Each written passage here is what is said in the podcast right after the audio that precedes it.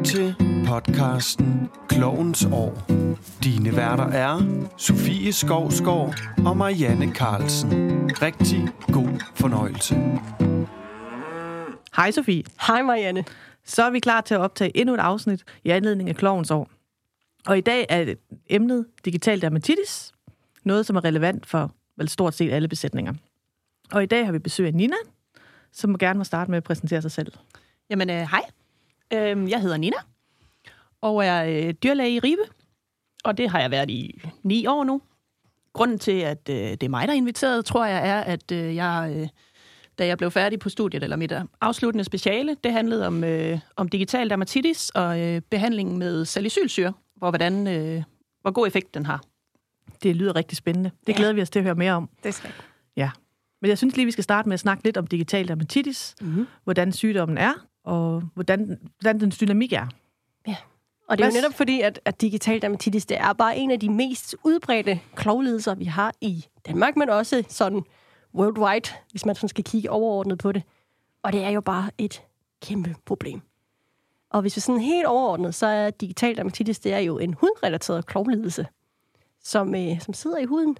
Og øhm, desværre også kan gå i andre skader, som er mere hornrelaterede klovlidelser, og gøre rigtig meget skade. Og det, som er jo meget væsentligt ved digital dermatitis, er jo også, at det er en utrolig smertevoldende lidelse, og derfor også en velfærdsmæssigt meget vigtig lidelse. Mm. Selvom det måske er nogen er lidt overset. desværre så smitter den også ret meget. Og det er jo det, der er lidt problem. Det er jo det der med at både at få dem behandlet, men også tænke på forebyggelse. Ja. Men i dag har vi valgt at have fokus på behandling, og det ved Nina noget mere om. Ja, fordi Nina hun har skrevet et speciale, som vi skal høre lidt mere om. Jamen, øh, i Danmark har vi jo brugt salicylsyre til at behandle øh, digital dermatitis i øh, ja, mange, mange år. Men der er aldrig rigtig nogen, der øh, egentlig... Altså, vi har haft en idé om, at det virker, men der er ikke rigtig nogen, der har bevist det. Så øh, da jeg skulle skrive speciale tilbage i 2011, blev det, øh, blev det med emnet, hvor godt virker salicylsyre? Er det rigtigt, at det virker, eller er det bare noget, vi tror? Øh, så jeg fulgte øh, to klovbeskærer rundt i øh, fire forskellige besætninger, hvor vi så, øh, når vi fandt den digital, så øh, blev de enten peget ud til at få en forbinding på med salicylsyre, eller vi brugte cyklospray. Fordi det er sådan ligesom det, der bliver gjort øh, rundt i, i de danske besætninger, typisk. Og, øh, og der viste det sig faktisk, at, øh, at salicylsyre virker. Øh, grunden til, at vi brugte cyklospray, var, at det er det, som, som alle andre undersøgelser er lavet på rundt omkring i verden. Så så havde vi ligesom sådan et internationalt øh, sammenligningsgrundlag. Men jeg scorede lesionerne ved klovbeskæring selvfølgelig, og så kiggede jeg på dem tre dage senere og tog forbindingen af, og så kiggede jeg på dem igen to og fire-fem uger senere, sådan efter 14 og efter 30 dage cirka. Og øh, samlet set var salicylsyre øh, to og en halv gang bedre end øh, en cyklospray på øh, dag 14, og øh, på dag 30 var det faktisk fem gange bedre. Der var forskel øh, i besætningerne. Nogle steder virkede det cy- øh, cyklospray bedre end andre, men, øh, men sådan det overordnede billede, det var, at øh, salicylsyre virker. Så Okay. det kan vi roligt blive ved med. Det lyder godt. Ja, Og så synes jeg også lige, det er værd at nævne, at en af de rigtig gode ting med at bruge salicylsyre at det også er smertestillende. Mm, Ja. At det har en meget hurtig effekt. Ja, og det er, jo, det er jo sådan noget, jeg synes er rigtig rart, når vi står der om, i forhold til klovbeskæring, og vi har en skade og tænker, uh, den er smertefuld. Man kan bare mærke på konen, det her, det gør rigtig ondt.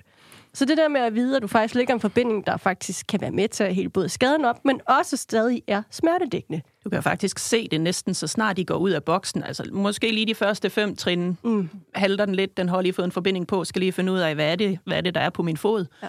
Men så går den faktisk stort set halvfrit øh, Ja. umiddelbart efter. Det synes jeg, jeg synes, det er en dejlig ting. Altså, Helt Men der er jo også det der med, at i forhold til repiderma, fordi jeg kender jo også en del anvendere, der er sådan, jamen det er den nemme løsning. Når vi lige ser, at der er en skade, så får den lige lidt repiderma, og så er det helbredt. Jeg synes også, som dit speciale jo også selv siger, man skal passe på, at det ikke bliver sådan lidt en, en sovepude og sige, jamen det er den nemme løsning. I stedet for, at vi ikke skal hen og løfte konen op og lægge en forbinding på. Det er selvfølgelig mere arbejdskrævende at lægge en forbinding, men på den lange bane er det måske mindre arbejdskrævende. Ja. Øh, fordi at du kan nøjes med at gøre det øh, en gang, eller i nogle tilfælde skal der, skal der flere forbindinger til, altså så skal den skiftes, men, men så er den også øh, i flere tilfælde helt, Mm. øh, og helt helt op. Ja, det vil jeg gerne høre, Sofie. Hvad er din anbefaling? Hvor længe vil du lade sådan en forbinding sidde for digital dermatitis? Jamen, altså, hvis det skal være helt teoretisk efter bogen, så hedder det jo 3-4 dage, skal du have en forbinding på imod de hudrelaterede klovlidelser. Så både en digital dermatitis og en nydannelse. Det er jo der, hvor du vil sige 3-4 dage. Men, nu ved jeg også godt, at vi arbejder med landmænd. Øhm, så 3-4 dage, jo jo, men problemet er jo bare, at de hornrelaterede kropsskader, de kræver altså bare lidt længere tid. Der siger man omkring 5-6 dage, at de her forbindinger skal ligge på. Så jeg kan også godt forstå, at nogle landmænd siger, ej, skal vi hen to dage og egentlig sætte tid af til at tage de her forbindinger af, så vil vi hellere gøre det den samme dag. Så jeg vil sige, hvis der går en uge, kan man altså godt tage en forbinding af der, men der skal helst ikke gå længere tid end det, for så har det altså modsat effekt. Fordi huden har altså også brug for at få noget luft og noget ild til, for ligesom at komme sig. Ja, hvor tit vil du genbehandle? Altså lægge en forbinding på igen på sådan en digital? Det er alt efter, hvor aggressiv den er. Fordi selvfølgelig er der de der små digitaler, man kan sige, at den har måske været behandlet før. Der er lige lidt tilbage. Der får lige en enkelt forbinding, og så ved vi, at så er den overstået. Men dem, der, der er i vild udbrud, og man kan se, at de er røde, de er blød, blødende også, og man kan se, at dyrene er halte, de kræver altså op til to-tre behandlinger, før de faktisk er helt væk. Og en ting, der også er vigtigt, synes jeg, fordi når man står der og skal genbehandle en ko, så øhm, især ved digitaler, der kan de få sådan en, en sort skorpe, og så tænker man umiddelbart, jamen den er, den er fin, den er ophelt, den er helt væk. Hvis du piller den skorpe af, så kan der altså stadigvæk være noget levende indenunder, hvor det stadigvæk er ømt og faktisk kræver en til forbinding. Så det, er jo, det er jo det, der er problem ved digital, at det er jo en bakterie, som sidder inde i huden. Den ja. sidder ikke kun på overfladen. Og der har salicylsyre jo en, en effekt, at den kan trænge lidt dybere end øh, en cyklospray eller Repiderma eller øh, nogle af de andre produkter kan. Ja. Øhm, så, så ja, det skal nogle gange have en to, tre, fire forbindinger, øh, for at det virker. Mm. Og det synes jeg bare, det kan jeg mærke noget som klovbeskær, at, at mange landmænd er sådan, jamen nu er klovbeskæren her, han får styr på, at der bliver lagt forbindinger, og så er alle vores problemer væk. Men der er bare så mange af dem, de kræver altså bare en genbehandling. Og det er jo noget, I helst skal gøre. Selvfølgelig kan vi klovbeskær også komme og gøre det, men det skal helst bare planlægges. Fordi det skal gøres forholdsvis hurtigt efter. Det går altså ikke, at der går måske en måned eller mere, for der kommer en genbehandling, fordi så kan det altså nå at være kommet rigtig meget tilbage igen og i udbrud. Så det skal hele tiden gøres sådan rimelig hurtigt efter, at du er i gang med at behandle. Men Nina, i forhold til dit speciale, hvor mange køer var du ude og afprøve på? Det er da egentlig et godt spørgsmål. I alt var det cirka 200 køer, tror jeg. Nu skal jeg se. Øhm, rundt i de fire besætninger. Der var så nogen, der forsvandt undervejs, fordi at, øh, det ikke var de rigtige ben, eller øh, der var sket et eller andet med dem, så jeg ikke havde dem med. Ja, 200, øh, 200 køer. Øh, nej, undskyld, 200 lesioner ja. på 173 køer. Så øh, der var nogen, der havde lidt på, på begge ben. Mm. Var der øh, nogle specielle kriterier for lesionerne? Nu vi har snakket nej. lidt om akut og kronisk. Ikke, øh, altså ikke, hvem der kom med, men de blev, øh, jeg fordelte dem altså allerede ved, øh, ved klovbeskæring. Der delte jeg dem op, om det var, øh, hvilket stadie det var. Mm. Der er sådan øh, fem forskellige stadier. Vi kalder det M-stadierne på digital dermatitis, og der delte jeg dem op efter det. Ja. Og det ved jeg ikke, skal vi, øh, skal vi lige tage dem? Sådan, ja, så vi det synes jeg da. Ja. Fordi det er, jo, det er jo sådan lidt, det, det er, jeg synes, det er nørderi på høj plan. Jeg ja. kan godt lide det, men jeg kan også godt forstå, hvis der er mange, der synes, at digital ikke bare en digital. Det giver en god forståelse for, at det er en meget dynamisk sygdom. Det er og det, det, og det er en sygdom, som er svær at udrydde. At det kræver, at man skal sætte ind, både på behandling, som vi har som emne her i dag, mm. men også som mere, hvad skal man kalde det, forebyggende behandling, som vi kommer ind på i et andet afsnit. Ja, helt sikkert. Så hvis vi skal tage den fra øh, den, som vi oftest ser, øh, eller som landmændene ofte ser, så er det det akutte stadie, som hedder M2. Det er sådan en, det er såret. Det er en rød jordbærlation, øh, som sidder i klovspalten øh, på bagsiden af kloven, og kan være ja, varierende størrelse, men ofte er de over 2 cm i diameter. Og de er øh, meget halte på dem, øh, og har tendens til at bløde, som du sagde lige før, Sofie. Mm. Og derfra kan den gå i flere veje. Hvis, øh, hvis den er på vej til heling, så ryger det i det, vi kalder M3, hvor der kan være en skorp på, og øh, ja, altså sådan under opheling. M4, det er sådan mere en kronisk stadie, hvor, øh, hvor huden er blevet for tykket, og der kommer sådan nogle øh, hårde, tykke, hårlignende papiller øh, i flere tilfælde. Så er der øh, sådan nogle kombinationsstadier, som øh, en M4 plus 1 hedder den, øh, den, man kunne måske sige, den skulle hedde M4 plus 2, hvor der både kan være noget akut og noget kronisk blandt sammen. Og hvis vi så skal gå tilbage til starten, så har vi M0, som er ingenting, altså en, der er ikke nogen lesion, og M1, som er en lille tidlig stadie. Øh, ikke noget sår endnu, men man kan se, der er noget forandring i huden. Og de er typisk ikke smertefulde. Det er stort set kun M2, og så M4 plus 2. Den kan også være smertefuld. Og jeg vil sige, altså, det er jo, det er jo, det er jo nørderi, det her. Og øhm, der er også en del kloppeskat, der synes, det her det er, det er lidt langhåret, når vi snakker om de her M-stadier. Så i registreringsprogrammet, som kloppeskærne har, men som landmændene selvfølgelig også kan downloade og bruge, der har vi altså bare det, der hedder digital dermatitis. Og den indbefatter jo både, om de er store eller små, eller om de er akut, eller hvad det er. Men så har vi også den, der hedder kronisk digitaler. Og det er jo der, hvor vi har de der hårlignende gevækster, og vi har en digital, som er ret aggressiv og svær at slå ned. Ja. Men vi har kun to valgmuligheder i det program. Ja, og det er også i langt de tilfælde, altså de fleste tilfælde, der er det nok øh, ude, ude på gården. Ja. Men altså de her M-stadier her, de kan bevæge sig, eller digital dermatitis kan bevæge sig i alle retninger mellem de her M-stadier. Så en M2 kan blive til en M4, altså en akut kan blive til en kronisk. En M2 kan også blive til en M3 under opheling. M4 kan blive til noget, der ligner en M1, øh, sådan altså et, en lille bitte lesion. Der er ikke rigtig noget, øh, noget, der ikke kan lade sig gøre næsten mm. inden for de her M-stadier. Og det er også derfor, at den kan være lidt svær at have med at gøre. Men nu er jeg lidt nysgerrig i forhold til det her med, du brugte salicylsyre. Hvordan anvendte du salicylsyren? i en forbinding. Øh, helt klassisk, øh, altså det var klovbeskærende, der, øh, der lagde forbindingen øh, i de fleste tilfælde, fordi at det var jo under, øh, under den regelmæssige klovbeskæring, så øh, de kørte jo også på timeløn og, øh, og alt det der, så, øh, så de lagde forbindingen. Øh, vat og øh, en, en god håndfuld, øh, eller en lille håndfuld salicylsyre i forbinding på, øh, på lesionen. Ja. Og så forbinding på i tre dage. Men Grunden en til at spørge det, er fordi at jeg ved, der er flere og flere klovbeskærer, inklusiv mig selv, der faktisk er begyndt at bruge mere salicylsyre, som er lavet om til en form for gel. Ja. Og det er egentlig bare fordi, at det med at stå med, med pulver og dyr, der godt kan vride sig lidt i en boks, uh, man kan altså nogle gange få ret meget salicylsyre op i næsen, og det kilder helt vildt, og du nyser hele dagen. Og det er jo stadigvæk det syre, vi står med. Det er ikke det, er ikke det bedste for sådan rent sundhedsmæssigt. Gelen var lige på vej på markedet der tilbage Ja. i 2011, så, øh, så vi blev enige om, nu, nu prøver vi pulveret og ser, hvordan, øh, Og det virker hvordan det virker. ganske udmærket. Jeg synes, ja. det gode ved pulver er jo også, at den har en form for udtørrende effekt, hvilket også er rigtig godt i forhold til de her tribonema-bakterier. Men, men gelen, den synes jeg bare, den, den er nem at håndtere, fordi du virkelig kan placere den lige præcis der, hvor du har lesionen. Ja, mig bekendt er der ikke lavet nogen sammenlignende øh, studier på, om det er gel eller pulver, men det er jo samme produkt, så jeg går ud fra, at det er samme effekt. Men Marianne, hvis vi nu lige skal- nørde lidt i det her med, jamen, øh, hvad er det egentlig for nogle bakterier, vi har med at gøre, i forhold til, hvad der er, der udvikler digital dermatitis? Altså, det er jo Treponema-bakterierne, som giver digitalen. Og der er jo rigtig mange ting om de her bakterier, man stadigvæk ikke ved, og som stadigvæk er til stor frustration for mange af de mennesker, der forsker i det.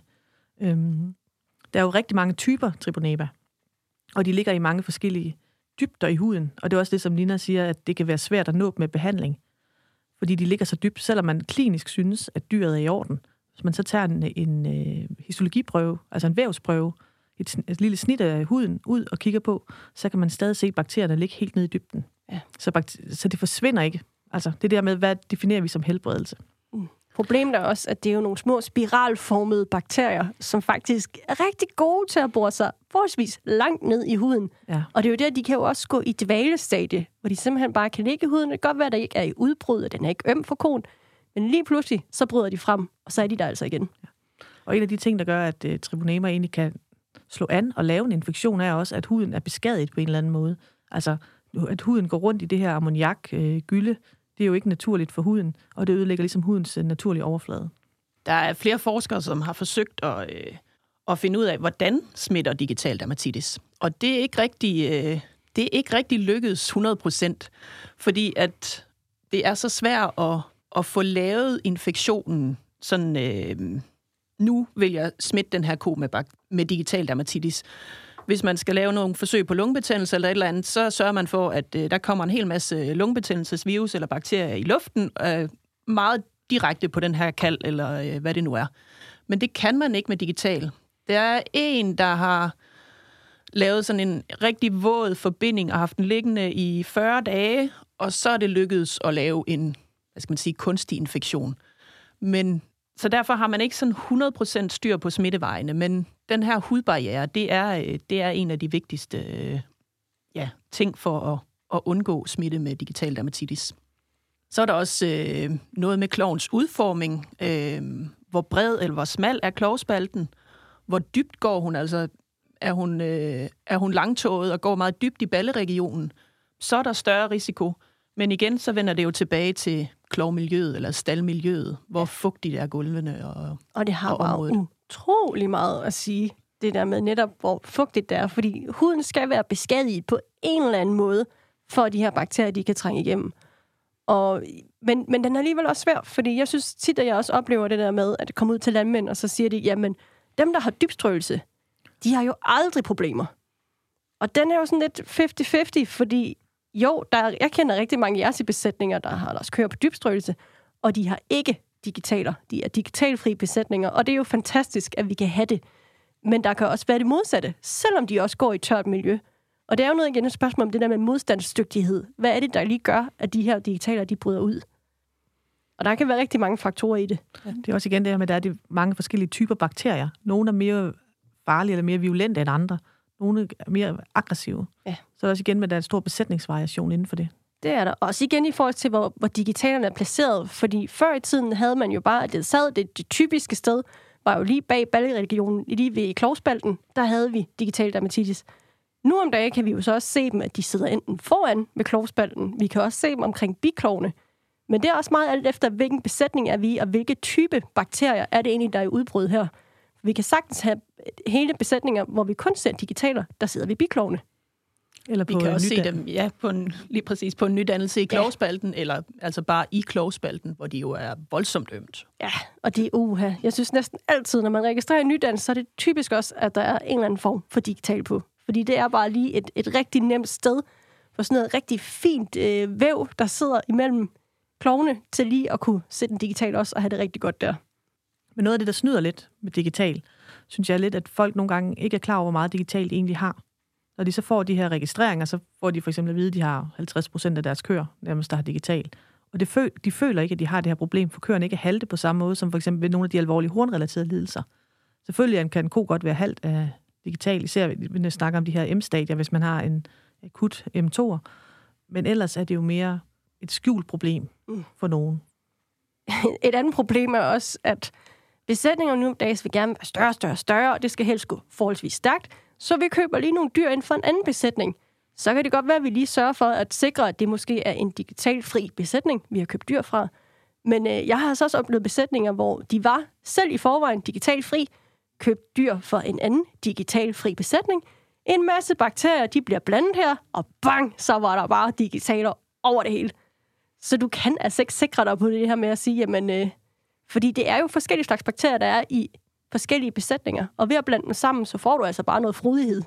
Og det går altså galt. Det er jo det generelle, øh, altså smittebeskyttelse på, på alle plan er, øh, er afgørende for, øh, for at undgå øh, ja, digital dermatitis blandt meget andet. Og det er jo både internt i besætningen, hvordan man bevæger sig. Hvis man har digital ved køerne, så er det jo vigtigt ikke at gå derfra til kvierne, hvis nu de er fri. Øh, altid tænk på at holde de unge fri øh, først.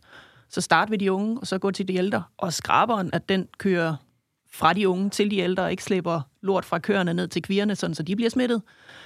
Men også øh, hvem der nu kommer udefra, altså det vil altså klovbeskæren, eller øh, dyrlægen, eller inseminøren, hvis de kommer fra en besætning, hvor der er digital, måske en anden bakterietype, end man selv har, jamen, så kan det blomstre op, hvis ikke man har tænkt sig om og, øh, og sørget for at, at få rengjort sine ting. Og det er jo bare vigtigt, den med hygiejnen. Altid. Vigtigt, vigtigt, vigtigt. Og nu nævnte Nina også det med kvierne. Det er også en rigtig vigtig gruppe at have fokus på. Også fordi, at hvis de først har fået en digital, så er der også en, eller en ubehandlet digital hos en kvige kan næsten give en forkert klovform, fordi de øh, vælger at gå på tåen. Det kan det. Og jeg skal lige helt så sige som klovbeskær, de er ikke sjove at skulle, øh, Og de er skulle rette at op på. af det. Og du, du kan godt til nøds, men problemet er, at de digitaler, du typisk ser, hvis de er rigtig, rigtig aggressive over ved kvierne, at de begynder simpelthen at æde ballehornet op. Og ballehornet er alt det rigtig bløde væv. Og det er altså super svært ved at komme tilbage igen. Så det vil sige allerede her, der, selvom vi skal hen og klovbeskære konen på en, eller kvien på en helt anden måde, så er problemet også, at hun har bare så stor sandsynlighed for, at hun senere hen også kan få nogle hornrelaterede klovlidelser, fordi klovformen er bare forkert, og ballehornet er bare væk. Så hun har ikke den her elasticitet i hornet, som hun skulle have haft. Og det er bare det er en rigtig dårlig start. Nogle af dem kan du godt helbrede og rette op på, men der er også mange af dem, hvor det bare, det er bare ærgerligt, og det er bare så synd. Og samtidig så er der faktisk undersøgelser, der viser, at hvis en kvige har haft digital dermatitis, altså i, som kvige, så er der otte gange større risiko for, at den får digital igen, når den er en ko. Ja. Så derfor, hvis man kan holde dem fri, så er der også større chance for, at man kan holde køerne fri. Så er man i hvert fald godt på vej. Ja. Men det er også lidt sjovt, at der inden for forskningen, der snakker de også meget med de her tre typer af køer. Nogle køer, som aldrig får digital dermatitis, nogle køer, der får et enkelt tilfælde, som er til at behandle, og nogle køer, som gentagende får mange infektioner. Og det er jo sådan noget, der er godt for landmændene også at kigge på i forhold til klovregistreringerne. Selvfølgelig så ved jeg godt, først og fremmest så kigger man på, giver den meget mælk? Okay, det gør den måske ikke. Hvad kunne ellers være en ting til, at den skal udsættes? Hvis man så siger, jamen, øh, og hun giver okay med mælk, men hun er lidt træls. Prøv lige også lige kigge på de der klovregistreringer. Fordi hvis hun har haft digital de sidste tre gange, der har været klovbeskær på, så har hun altså et problem. Eller de sidste tre år. Eller de sidste tre år, ja, ja, okay. Men øh, jeg ja. synes bare, det, det er også vigtigt nogle gange at sige, at årsagen til, at de bliver udsat, kan muligvis altså også godt være på grund af en klovledelse. Og det vil det jo måske typisk være, men i det skjulte. Fordi at digital er jo en smertevoldende lidelse, som vi startede med at sige. Øh, det betyder jo så, at, øh, at konen bliver generelt ringere, øh, så den æder mindre, den producerer mindre, den har en dårligere reproduktion. Alle de der ting, som man tager som udsætningsårsagen. Men måske bunder det i virkeligheden tilbage i en, i en klovlidelse Det af den det. ene eller den anden slags. Så det er egentlig også, altså, jeg ved godt, at man tænker umiddelbart, jamen, det er jo bare, det, det kan vi hurtigt helbrede, det er bare digitalt, det går nok. Men der er jo også noget spild i det, som du selv siger, i forhold til både reproduktion og ydelse. Og man siger jo, at en digital, den kan koste mellem 1000 og 1500 per gang, konen bliver registreret med en digital. Og det er jo bare ærgerligt, hvis, hvis bliver det er til- på mange kørende, der har det. Det bliver til penge, hvis man har en øh, relativt høj forekomst af digital, Ja. som jeg synes, man desværre ser mange steder. Og øhm, ja, og det, det varierer jo lidt, fordi det, jeg synes også, det har meget med, med holdning at gøre. Selvfølgelig er der også noget mandskaber, der er nogle penge, og der er nogle ting, der også er til stede. Men det er bare vigtigt, at vi også får gjort landmændene opmærksom på, hvad er acceptabelt, og hvad er ikke. Hvor går den grænse? Og jeg ved, at øh, Seges har lavet sådan en, en form for håndhævende regel omkring, hvad er sådan det acceptable niveau. Og man siger omkring 12 procent af ens besætning. Hvis de har digitalt, så er det sådan på et acceptabelt niveau. Alt over, så øh, skal man til at lave en handlingsplan. Det vil blive nødvendigt flere steder. Ja, ja. Det, det ved det. Det er, det er ikke så mange steder, hvor der ikke er under 12 procent. Man bør jo sådan set gå ud og, øh, og halvtidsvurdere sin kør. Og altså kigge på dem med friske øjne og sige, okay, hvor mange køer har jeg reelt, der halter?